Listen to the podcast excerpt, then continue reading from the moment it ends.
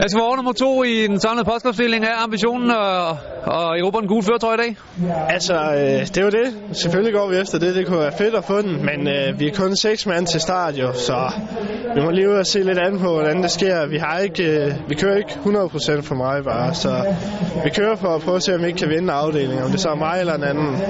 Og det synes om, der er en lille smule vind i dag. Hvad tror du, det bliver for, for, for, for, for et cykelløb, vi får i dag?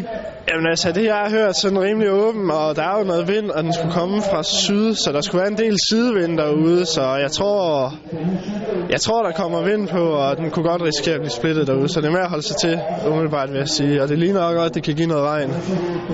Og hvad vil, hvad vil være den optimale dag for jer i dag?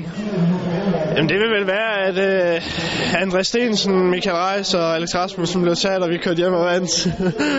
tror jeg. Ej, men optimalt det vil jo være, at vi, det helt, helt optimale, det er jo, at vi vinder i dag, og vi får førertrøjen. Altså så bliver det jo ikke mere optimalt. Men jeg tror, hvis vi bare vinder, så er det også fint.